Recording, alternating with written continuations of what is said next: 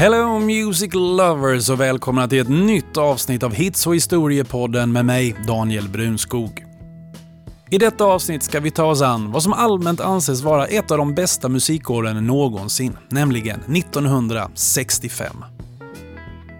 Sällan har så många band bildats under ett och samma år som senare kommer att ha så stor påverkan på popmusikens utveckling. Jag tänker närmast på The Doors, The Mamas and the Papas, Jefferson Airplane och Pink Floyd, bara för att nämna några. Den 27 augusti detta år så träffas The Beatles och Elvis Presley för enda gången hemma hos Presley i Bel Air. Och bara några dagar tidigare får Sonny and Cher en listetta med I Got You Babe. 1965 var också året då Simon Garfunkel fick sitt genombrott med den elektrifierade versionen av Sounds of Silence och The Who slog igenom med My Generation. Men vi kommer inte att titta närmare på just det där, utan på tio andra låtar med andra artister och förhoppningsvis ge en någorlunda rättvis bild av den enorma musikaliska spridningen som var 1965. Och vi börjar i Oklahoma, mitt i den stora amerikanska depressionen. Roger Miller föddes 1936 i Fort Worth i Texas. Men tillsammans med sina två bröder växte han upp på en gård hos släktingar i Oklahoma då hans ensamstående mor inte kunde försörja familjen under den stora depressionen som svepte fram över USA. I unga år lärde sig Miller att spela både fiol och gitarr, men eftersom han inte hade råd att köpa ett eget instrument så stal han en gitarr från en affär när han var 17 år gammal. Fylld av dåligt samvete returnerade han gitarren nästa dag och för att undvika fängelse så gick han med i armén istället, där han på fritiden spelade fiol i ett band. Efter avverkad militärtjänstgöring drog Miller till Nashville för att försöka sig på en karriär som musiker. Och efter att under flera år ha hankat sig fram på olika jobb på dagarna och jobbat som musiker på kvällarna så märkte han att han hade talang som låtskrivare och snart så var han faktiskt en av de mest eftertraktade i hela Nashville. 1958 fick han så sitt eget efterlängtade skivkontrakt och en möjlighet att själv spela in låtarna han hade skrivit. Och 1960 fick han sin första låt på countrylistan, då Don't You Want My Love tog sig upp på en 14 plats. Fyra år senare fick han sitt stora genombrott med två hits på Billboard Hot 100, Dang Me och Chugga Lug, som tog sig upp till sjunde respektive nionde plats. Nu började det verkligen rulla på och i januari 65 så kom hans största hit, den egenkomponerade King of the Road. Det finns flera olika varianter av historien om hur låten blev till, men den version som Miller själv, åtminstone oftast, höll sig till var att han skrev den första versen när han såg en skylt längs vägen utanför Chicago, på vilken det stod “Trailers for sale or rent”. Några veckor senare köpte han en statyett av en luffare i en presentbutik i Boise, Idaho och stirrade på den tills han hade slutfört låten. Och titeln är en anspelning på just luffare som var kända som vägens riddare, alltså Knights of the Road. King of the Road släpptes som singel i januari 65 och blev en så kallad crossover-hit då den tog sig upp i toppskiktet på både country-hitlistor och Billboard Hot 100 där den pikade som fyra och såldes i över en miljon exemplar. King of the Road vann också fem Grammys i olika kategorier och gjorde Roger Miller till en av USAs mest populära artister 1965. Trailer for sale or rent. Rooms to let 50 cents. No phone, no pool, no pets.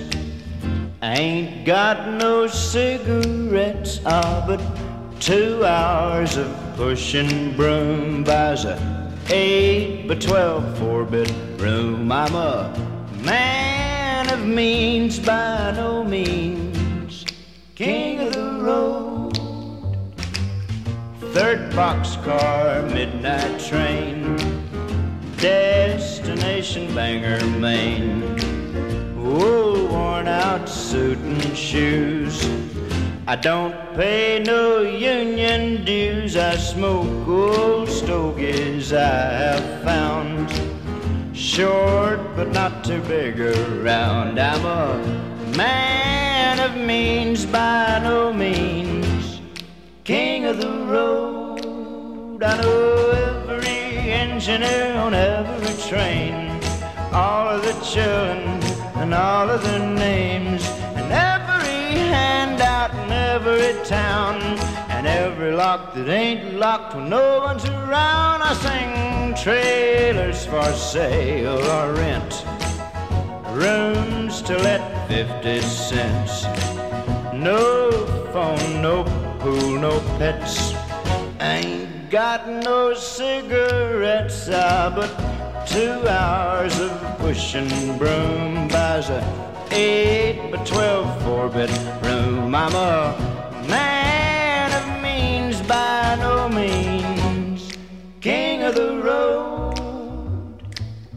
Trailers for sale, rent. Jag har alltid varit förtjust i låtar med mycket text och 1965 kom den poplåt som kom att sätta standarden, åtminstone för mig, i den här kategorin. Det handlar såklart om Bob Dylan och hans låt Subterranean Homesick Blues.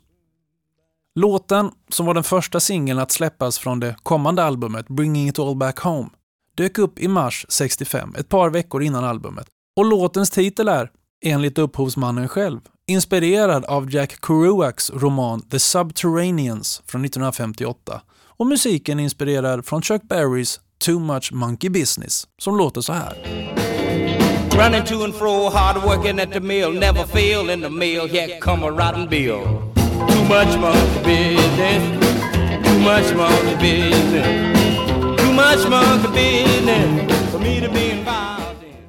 Den omfattande texten liknar en så kallad stream of consciousness, en skrivteknik som bemästrades av samtida beatpoeter som exempelvis nämnde Kerouac och hoppar från en kulturell referens till nästa. Den berör sociala missnöjen, polistillslag mot droger, medborgarrättsrörelsens kamp och även kampen mot myndigheterna i största allmänhet. Chas Chandler, dåvarande basist i The Animals, har berättat att när gruppen var på besök i New York hamnade de på en efterfest hemma hos Dylan där han spelade den just färdigskrivna låten för dem och förklarade att den handlade om människor som lever efter att bomben exploderat. Där bomben då såklart är den stora kärnvapenbomben som skulle kasta in världen i ett nytt slutgiltigt världskrig. Låten blev Dylans första topp 40-hit på Billboard-listan där den pikade som 39.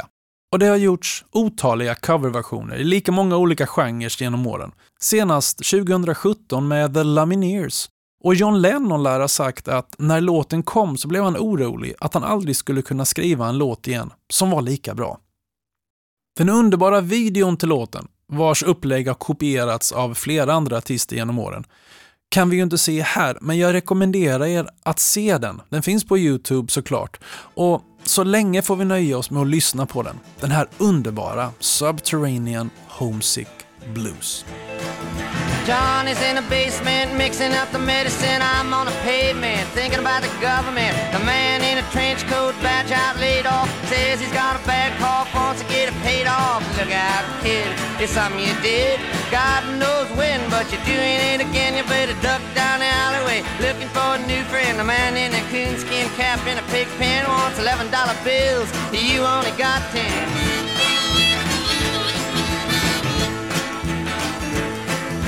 Maggie comes fleet-foot, face full of black soot, talking at the heat, put plants in the bed, but the phone's tapped anyway. Maggie says the men say they must bust an early man. Orders from the DA, look out, kid, don't matter what you did. But walk on your tiptoes, don't tie no bows, better stay away from those that carry around a fire hose. Keep a clean nose, wash the clean clothes. You don't need a weatherman to know which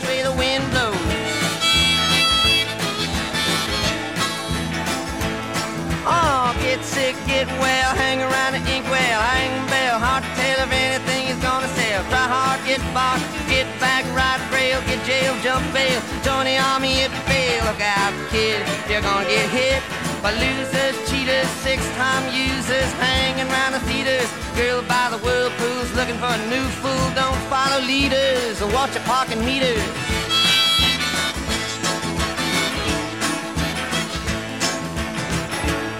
Oh, get born, keep warm, short pants, romance. Learn to dance, get dressed, get blessed. To be success. Please her, please him. Buy gifts, don't steal, don't live. 20 years of schooling and they put you on the day shift. Look out, kid, they keep it all hid. Better jump down a manhole, light yourself a candle. Don't wear sandals and try to avoid the scandals. Don't wanna be a bum, you better chew gum. The pump don't work cause the vandals took the handle.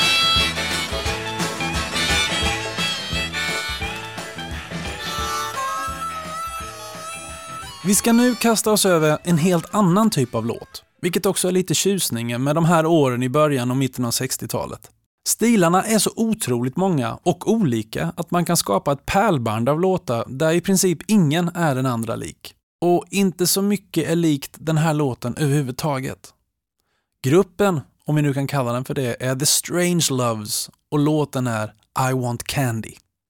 Bob Feldman och Jerry Goldstein började jobba tillsammans som låtskrivare 1959 och spelade dessutom in ett par förglömliga singlar som duon Bob and Jerry under de kommande åren.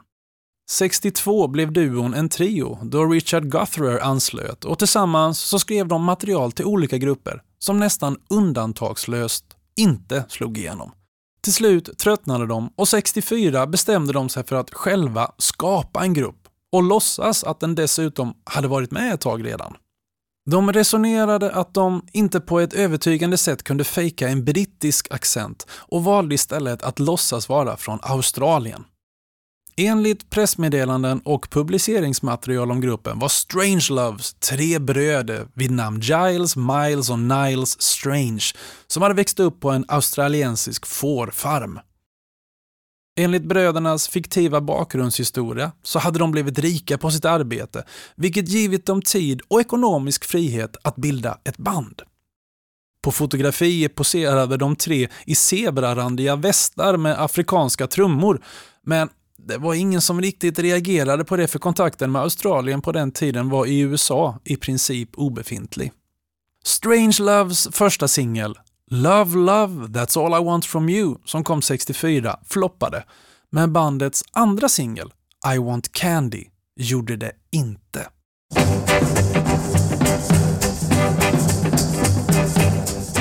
I Want Candy började som en cover av den här låten, Bo Diddley från 1955 av och med artisten med samma namn.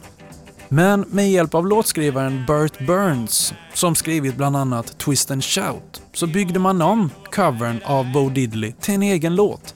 Men den där utmärkande Bo Diddley-rytmen förblev i fokus för låten. I Want Candy släpptes som singel i början av sommaren 65 och i augusti hade fakegruppen The Strange Loves nått en elfte plats på Billboard Hot 100 med låten. Men den blev ingen hit i hemlandet Australien.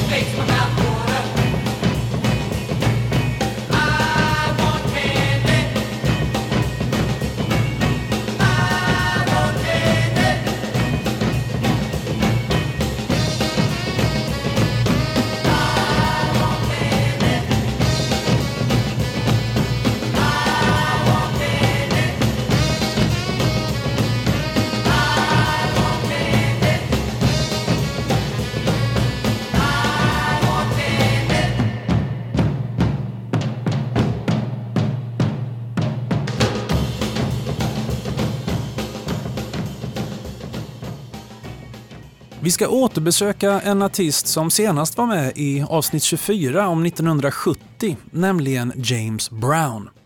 Men nu ska vi backa bandet fem år och ta itu med Browns genombrott som alltså kom 1965. James Brown föddes 1933 och växte upp i staden Augusta i Georgia och visade tidigt talang för både sång och dans. Som 11-åring vann han sin första talangtävling och snart hade han eh, på egen hand lärt sig spela både piano, gitarr och munspel. Vid 16 års ålder dömdes han till fängelse för ett rån och inne på anstalten bildade han sin första grupp som var en gospelkvartett. Och när han som 19-åring släpptes ut ur fängelset gick han omedelbart med i en annan gospelgrupp, Ever Ready Gospel Singers, vilken han lämnade två år senare till förmån för rb gruppen Avens, som i samma veva bytte namn till The Flames. The Flames blev snart The Famous Flames och gruppen erhöll ett rykte om sig att ha en bra live-act. Och 1956 skrev de på sitt första skivkontrakt och släppte strax därefter debutsingeln Please Please Please. Låten blev en hit på rb listan där den pikade som sexa och sålde i över en miljon exemplar. Ett par år senare hade de flesta av gruppens originalmedlemmar bytts ut och även gruppens namn som numera var James Brown and the Famous Flames. Och karriären, som var framgångsrik om än begränsad till rb listan och därmed till den afroamerikanska publiken, tuffade på i god fart och 64 släpptes det alltjämt hyllade livealbumet Live at the Apollo som helt otippat även tog sig upp till andra platsen på Billboards albumlista och därmed fick Brown uppmärksamhet bland landets vita befolkning. Och året efter skulle han komma att släppa tre singlar som alla blev stora hits och även äntligen tog sig upp på den prestigefyllda Billboard Hot 100-listan. Papa's got a brand new bag, It's a man's man's world och så framförallt låten som kom att bli hans signaturlåt. I got you, I feel good. Men vägen till singelsläppet för I got you, I feel good var långt ifrån spikrak. Brown hade skrivit låten och testat den på en publik vid flera tillfällen redan under hösten 64, då man också hade gjort en inspelning av låten på Smash Records, som hade planerat att släppa den som en singel. Men på grund av stridigheter mellan skivbolaget och ett annat, som Brown också hade skrivit kontrakt med, så slutade det med att man till sist blev tvungen att spela in en ny version med ett tredje skivbolag under våren 65. Och låten släpptes sen samma höst. Singeln tog sig snabbt upp till toppen av rb listan men den blev också Browns största hit på Billboard Hot 100 där den pikade som trea. Brown var nu helt och fullt accepterad av både den vita och den afroamerikanska skivköparen och The Godfather of Soul, bara för att nämna ett av många smeknamn som han hade, skulle förbli en amerikansk musikikon och avslutade sin sista världsturné i augusti 2006, bara fyra månader före sin död. För det var ju inte för inte som han dessutom också hade smeknamnet The Hardest Working Man in Show Business. Wow! I feel good. I knew that I wouldn't. I feel good. I knew that I wouldn't. So good, so good. I got you. Wow! I feel nice. A sugar and spice. I feel nice, a sugar and spice.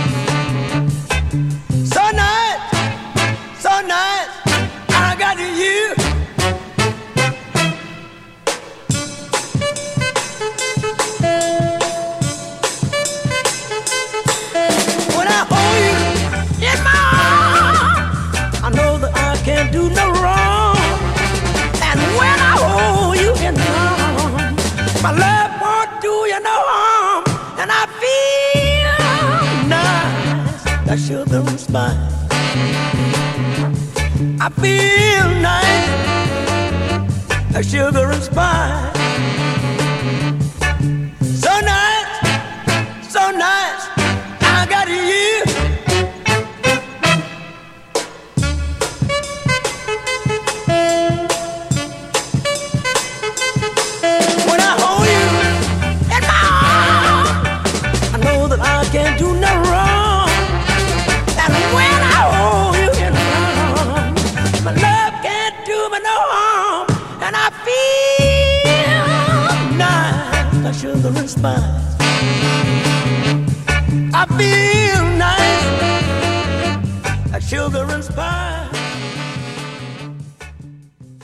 Bandet The Lovin' Spoonful hade sina rötter i folkmusikscenen i Greenwich Village på nedre delen av Manhattan under början av 1960-talet. John Sebastian föddes 1944 och växte upp i det här området i nära kontakt med både musiken och musikerna och bildade Lovin' Spoonful tillsammans med jämnårige gitarristen Sal Janowski. De båda hade tidigare spelat på små klubbar med gruppen The Mugwumps av vilka två andra medlemmar, Cass Elliot och Denny Dorothy, senare drog till Kalifornien och utgjorde hälften av The Mamas and the Papas.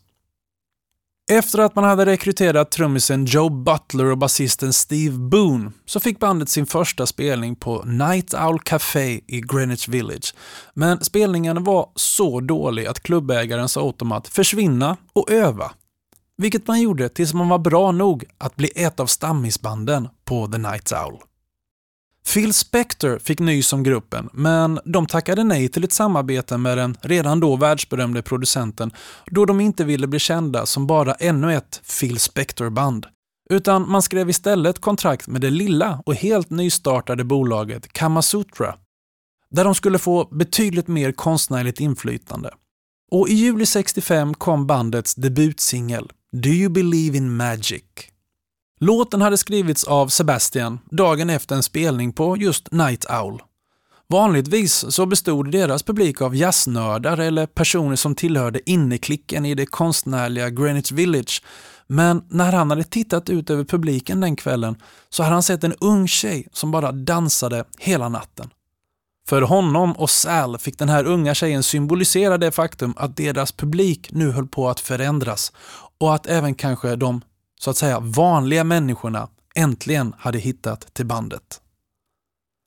Do You Believe in Magic blev gruppens stora genombrott och låten pikade som nia på Billboard Hot 100 och skulle under 1966 följas upp av bland annat superhittarna Daydream och Summer in the City som nådde andra respektive första platsen på singellistan. I början av 69 splittrades The Lovin' Spoonful och medlemmarna fortsatte på sina olika musikaliska banor där Sebastian som soloartist bland annat spelade på Woodstockfestivalen. Men ingen av bandmedlemmarnas fortsatta karriärer skulle matcha den de hade med The Lovin' Spoonful. Do you believe in magic in a young girl's heart?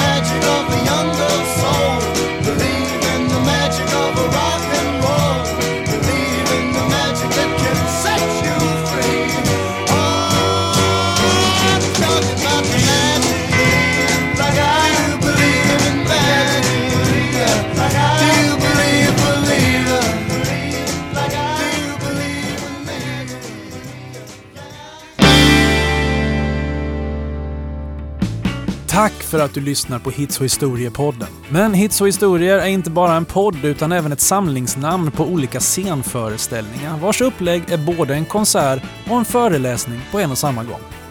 Precis som i podden blandas detaljerad fakta med roliga anekdoter och de medryckande hitlåtarna framförs live på scen av inte mindre än tio rutinerade sångare och musiker. Du hittar mer om de olika föreställningarna och på vilka teatrar och konserthus runt om i landet du kan se dem på hemsidan hitsochhistorier.se.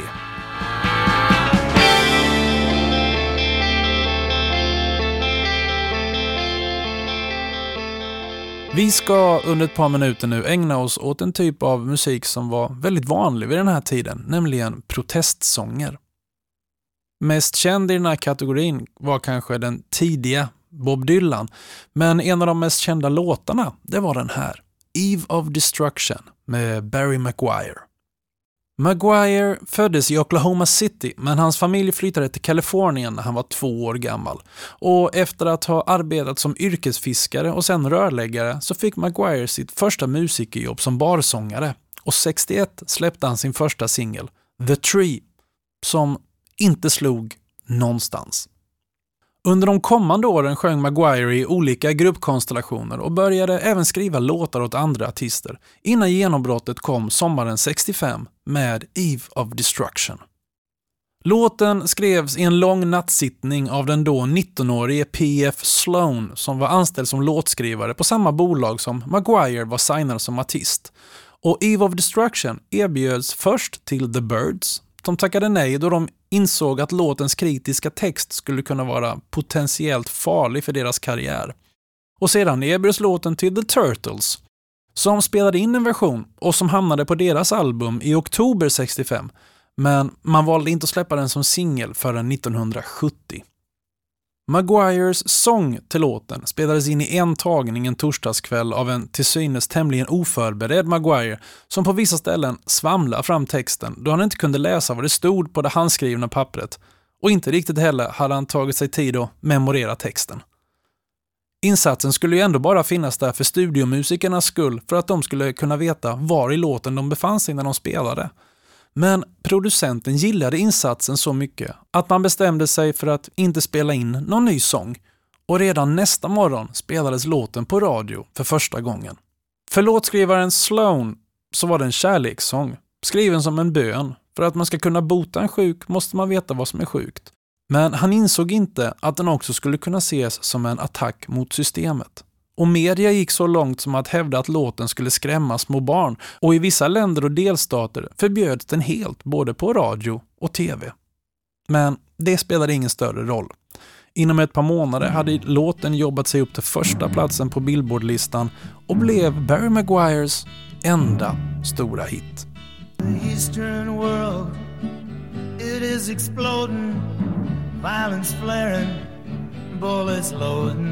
You're old enough to kill, but not for voting. You don't believe in war, but what's that gun you're toting? And even the Jordan River has bodies floating, but you tell me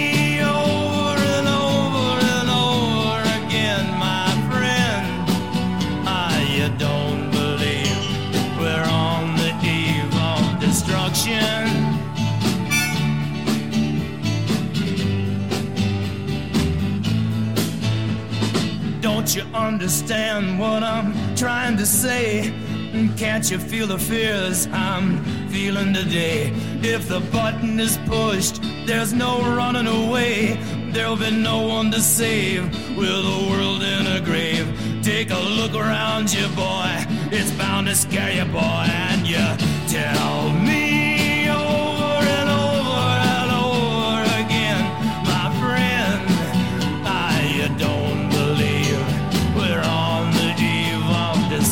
destruction.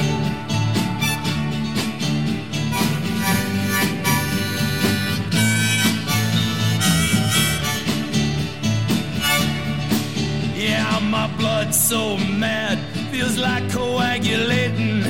I'm sitting here just contemplating. I can't twist the truth, it knows no regulation. Handful of senators don't pass legislation, and marches alone can't bring integration when human respect is disintegrating. This whole crazy world is just too frustrating, and you tell me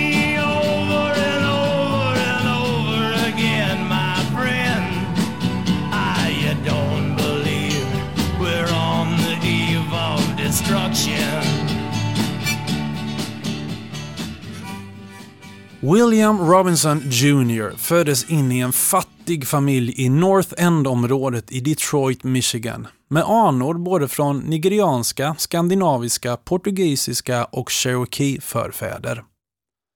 Hans farbror Claude brukade ta med sin unga brorson på bio och se cowboyfilmer och snart hade Claude gett honom ett cowboysmeknamn, Smokey Joe. Smeknamnet fastnade och snart var Smokey smeknamnet han lystrade till i alla sammanhang.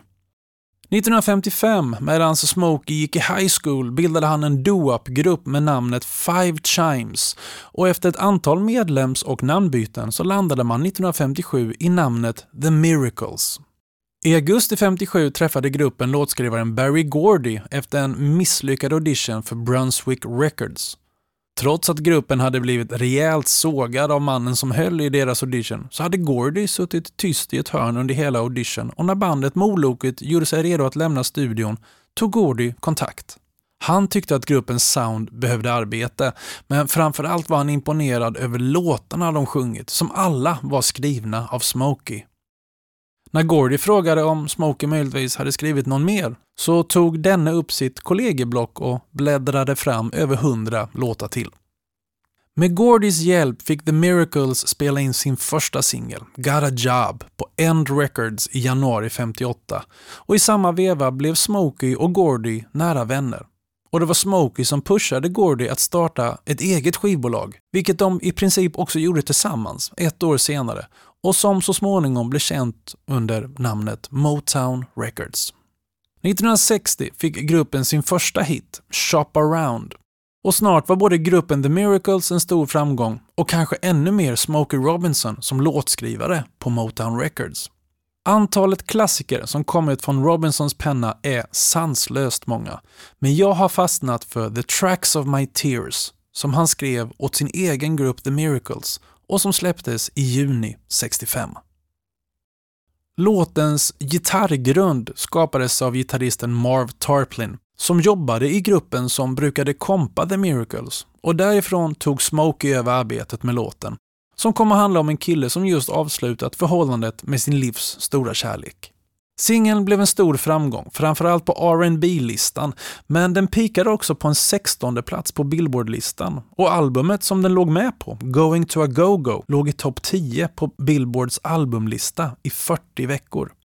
The Tracks of My Tears är en av de 500 låtar som Rock'n'Roll Hall of Fame har med på sin lista över låtarna som formade rockmusiken. Och än idag framför Smokey Robinson sitt lilla mästerverk lika bra som när det begav sig. 1965.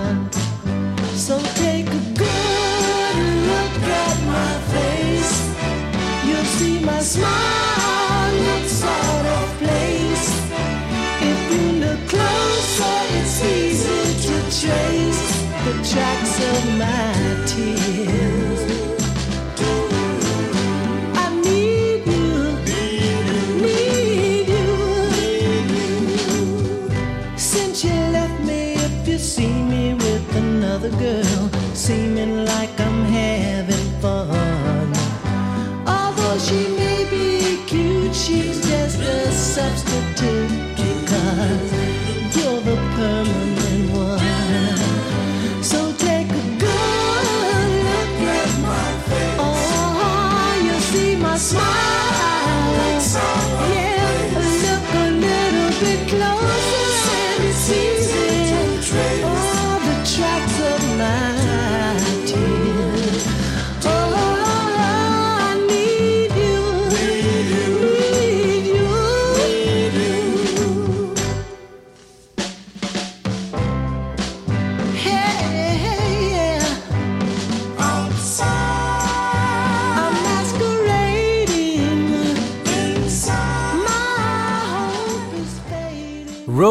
Stones har dykt upp i både avsnittet om 1966 och 69, men det hindrar inte dem från att ånyo gästa Hits och historiepodden.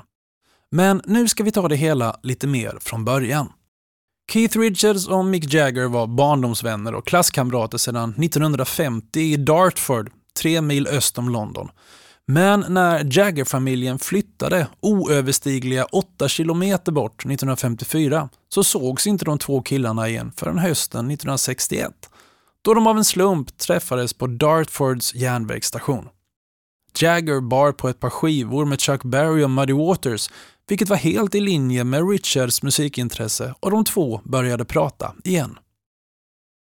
I mitten av 50-talet hade Jagger bildat ett band med sin vän Dick Taylor och snart anslöt Richards till gruppen och tillsammans med ytterligare två killar bildade man kvintetten Blues Boys. Ett halvår senare hade gruppen splittrats och Jagger och Richards började istället spela med två killar som de tidigare hade sett och hört i gruppen Alexis Corners Blues Incorporated, keyboardisten Ian Stewart och gitarristen Brian Jones.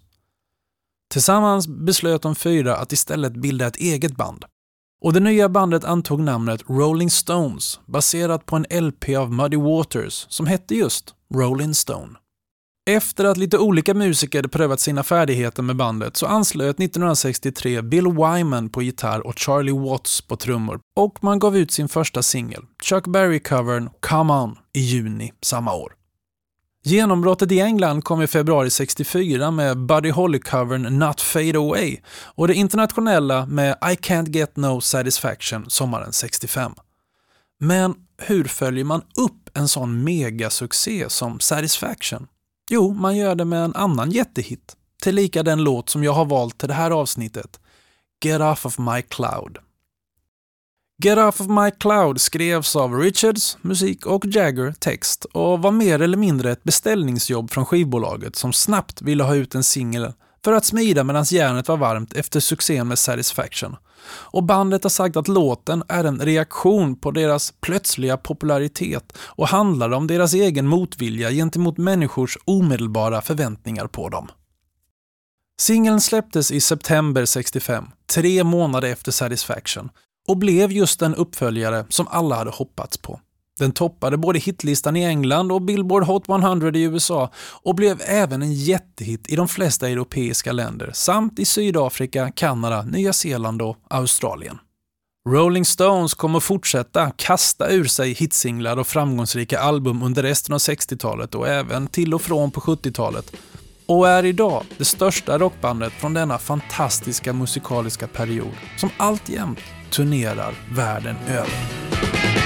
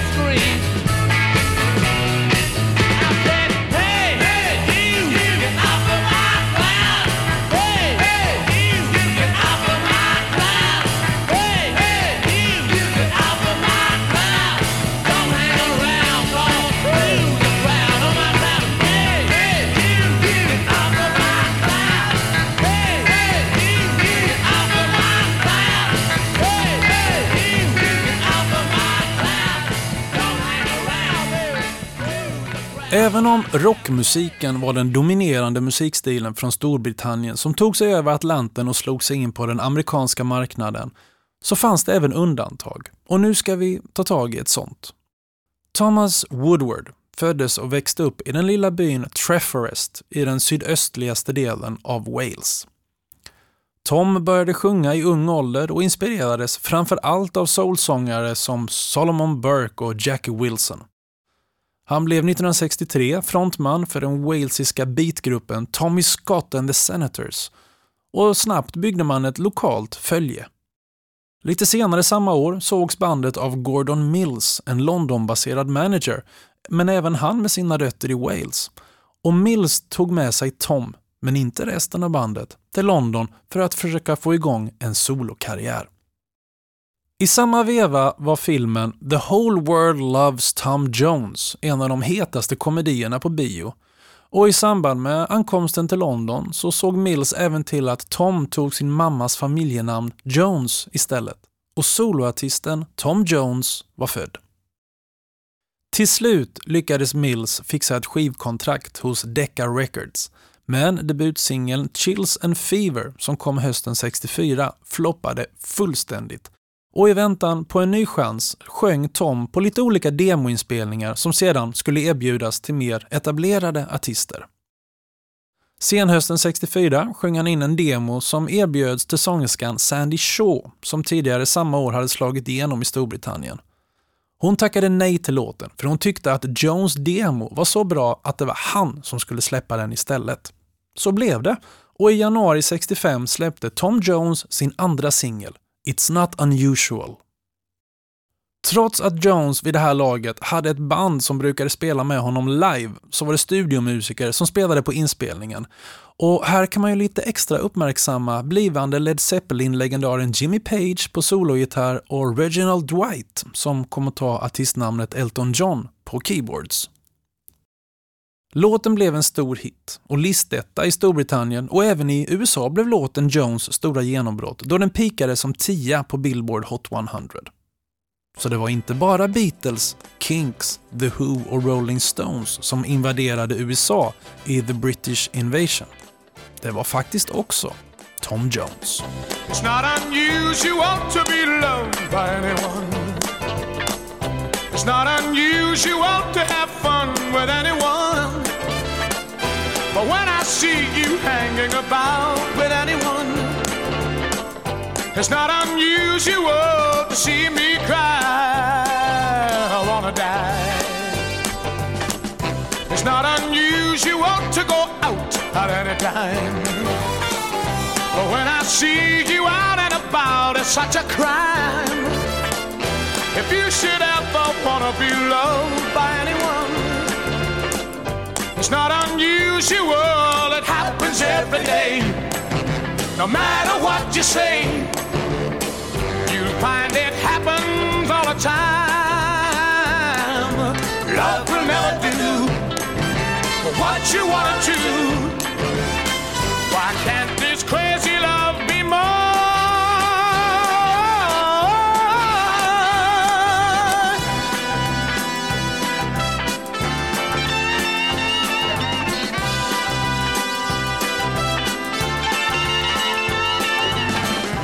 not unusual to be mad with anyone. It's not unusual to be sad with anyone. But if I ever find that you've changed at any time, it's not unusual to find that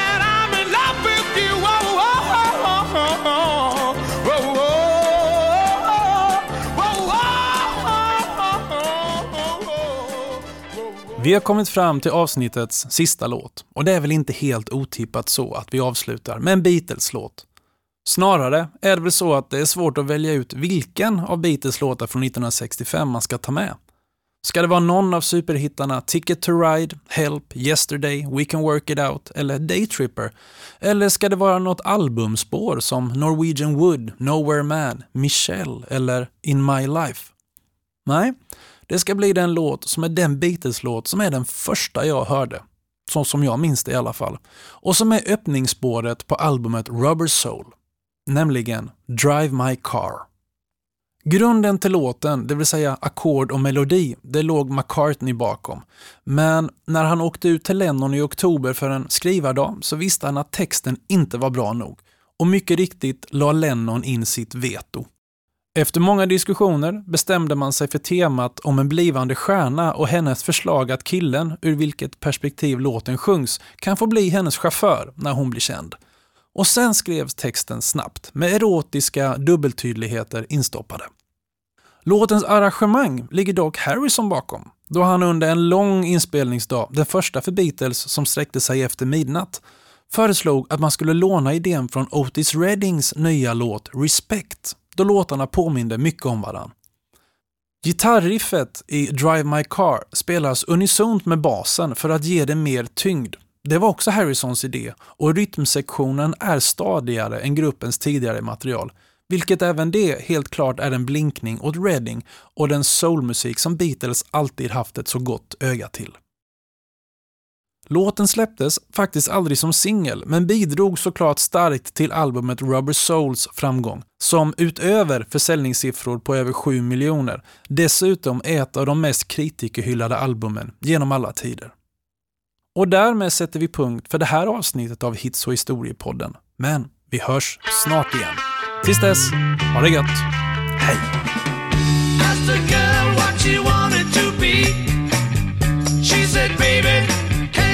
See?